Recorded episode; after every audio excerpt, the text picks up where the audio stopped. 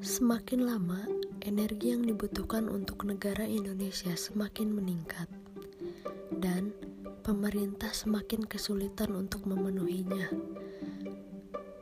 Seperti yang terjadi pada akhir-akhir ini, sering kita dengar tentang pemadaman bergilir yang dilakukan oleh sejumlah daerah karena keterlambatan datangnya batu bara.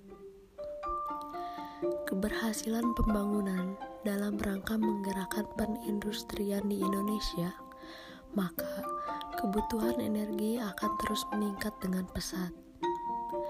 Masalah kebutuhan energi dan usaha untuk mencukupinya merupakan masalah serius yang harus dipikirkan agar energi primer khususnya energi fosil yang ada tidak terkuras habis hanya sekedar dibakar untuk menghasilkan tenaga listrik. Sumber daya alam energi fosil merupakan sumber kekayaan yang sangat berharga bila digunakan sebagai bahan dasar industri petrokimia. Dalam bidang industri, Indonesia sudah cukup berpengalaman mulai dari mendesain, membangunnya, sampai dengan mengoperasikannya, sehingga ada pemanfaatan bahan bakar fosil melalui industri petrokimia.